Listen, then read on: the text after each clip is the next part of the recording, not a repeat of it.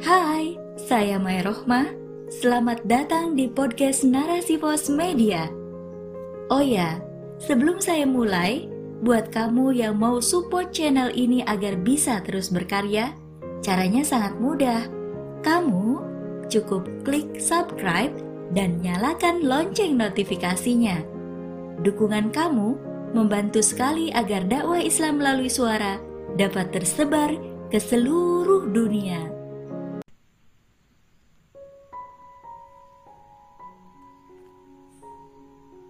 I have crush on you.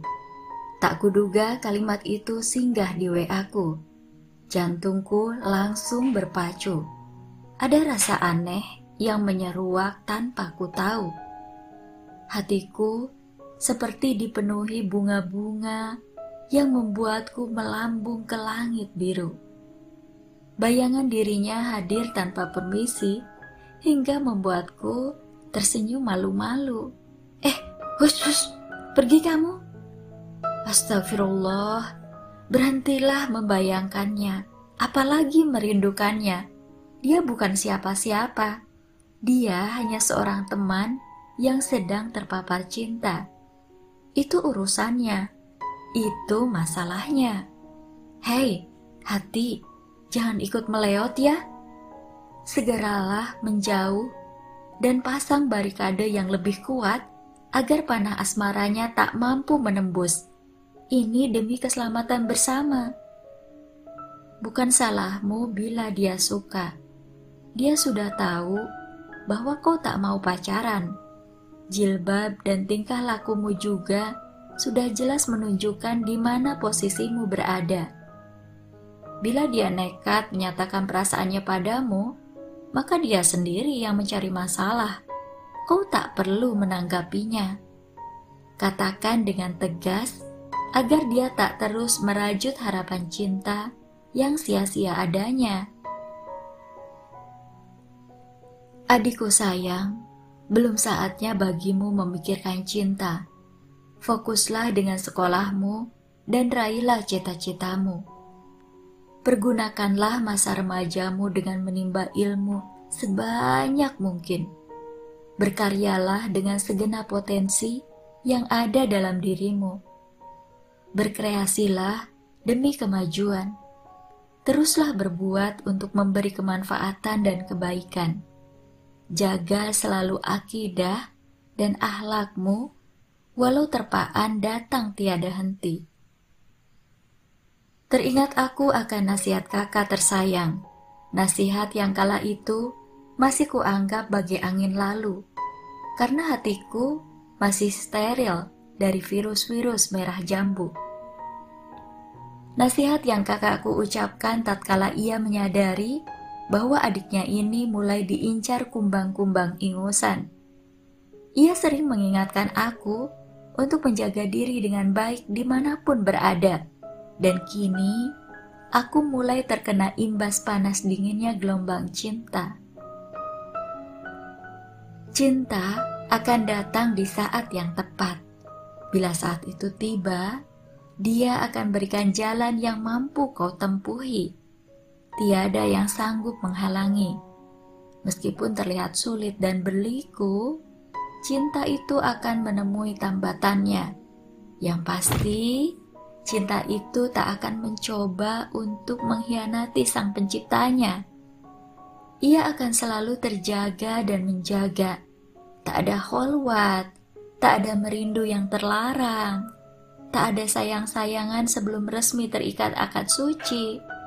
Tak boleh saling mengirim pesan pribadi yang tak perlu.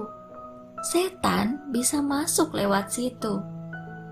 Jangan biarkan hatimu berkelana dalam lamunan rasa yang belum sah adanya setiap celah yang memungkinkan setan menggoda harus ditutup dan dikunci mati. Panjang sekali memang nasihat itu, khasnya kakakku. Dulu, aku hanya mengangguk-ngangguk dan bilang, siap bos, iakan saja deh, biar cepat selesai. Jika tak begitu, kalimatnya akan menjadi lebih panjang lagi. Kadang dia akan mencitaku pura-pura, karena tahu kalau aku tak sungguh menyimak perkataannya. Padahal aku mendengarkan nasihatnya betulan loh. Ya, walau hanya sebagian saja yang teringat sih. Apalagi jika menyangkut urusan cinta. Kakak akan benar-benar mewanti-wanti untuk tak bermain api dengannya. Jangankan bermain api, Mendekatinya saja tak boleh kalau tak mau terbakar sendiri. Masalah cinta memang bukan sepele karena ia sering membuat orang kehilangan logika. Bila sudah dimabuk cinta, orang bisa tak memedulikan sekelilingnya. Banyak yang terjerumus dalam kemaksiatan akibat memperturutkan hawa nafsu semata. Itulah kenapa kakak suka sekali cerewet padaku. Kakakku memang begitu. Katanya itu karena dia sayang padaku. Dia tak mau bila ada yang mengganggu. Pada dasarnya, dia seperti kakak yang lainnya, menyayangi dan menjaga adik tercinta. Hanya masing-masing punya cara tersendiri dalam mengekspresikannya. Ada tipe kakak yang suka memberi nasihat, ada yang diam-diam memantau si adik, ada juga yang suka usil, ada yang kalau adiknya ke mana-mana dia harus ikut. Ada kakak yang biasa-biasa saja sama adiknya, ada yang masa bodoh, tapi kalau adiknya kenapa-napa, dia yang paling heboh, dan lain sebagainya. Secuek-cueknya kakak, pastilah tak ingin adiknya terbentur masalah.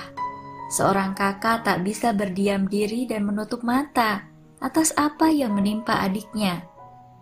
Mau dia membantu sambil menggerutu, mengomel-ngomel dahulu, ceramah panjang lebar, atau gercep tanpa babi bu, kakak yang baik pasti melakukan sesuatu agar adiknya berada dalam keadaan yang baik-baik saja. Ikatan darah memang tak bisa dihilangkan. Saudara dari rahim yang sama, bagaimanapun juga akan kembali bersama. Sejauh apa pun melangkah, sebesar apa pun perbedaan, tetaplah yang namanya saudara harus mau menerima dan mencinta. Kekurangan dan kelebihan pada diri diterima dengan lapang dada. Jangan pernah membenci kakak atau adik kita sebab merekalah keluarga. Allah telah memerintahkan kita untuk menyayangi dan menjaga keluarga kita dengan baik, sebagaimana dalam surat At-Tahrim ayat 6. Hai orang-orang beriman, peliharalah dirimu dan keluargamu dari api neraka yang berbahan bakar manusia dan batu. Penjaganya malaikat-malaikat yang kasar, keras, dan tidak mendurhakai Allah terhadap apa yang diperintahkannya kepada mereka dan selalu mengerjakan apa yang diperintahkan. Nasihat seorang kakak pada adiknya adalah wujud rasa cinta yang bersumber dari perintahnya. Sikap melindungi dan menjauhkan saudara dari keburukan merupakan kewajiban yang tak boleh diabaikan. Itu menjadi bagian dari ketaatan kita pada hukum syara. Terlebih lagi di masa kini yang penuh dengan jerat-jerat liberalisme, membuat remaja rentan terpedaya olehnya. Gaya hidup bebas yang terlihat di mana-mana seolah dianggap wajar adanya.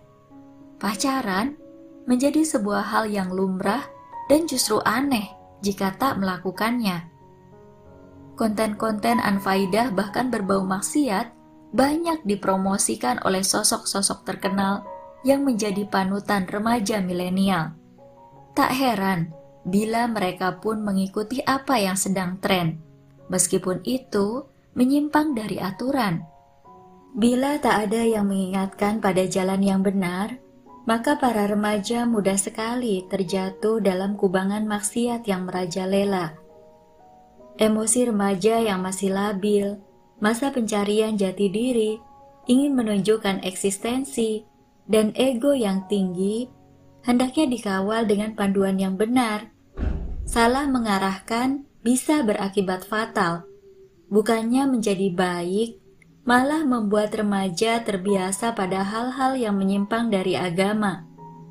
Lambat laun, makin jauh dari agama dan tak mau hidup dengannya. Na'udzubillah. Karena itulah pentingnya dakwah Islam pada remaja, menunjukkan mereka pada cara hidup yang benar, termasuk dalam urusan cinta. Boleh jatuh cinta, tapi dengan cara yang tepat. Halal must always be your way. Islam has arranged well regarding love affairs. Just stick with it and you will be safe and sound. Most importantly of all, Allah will bless your life and love. Kata kakak, cinta yang halal adalah setelah akad nikah. Jadi, ketika ada yang menyatakan cinta padamu, coba tanyakan balik padanya. Apakah ia sudah siap melamarmu? Bila tidak, maka abaikan saja, karena itu hanya sekadar wacana fokuslah kembali pada tugasmu semula, belajar dan terlibat dalam aktivitas dakwah. Jangan takut tak punya pacar dan dianggap tak laku. Takutlah bila cinta justru mengundang murka Allah padamu.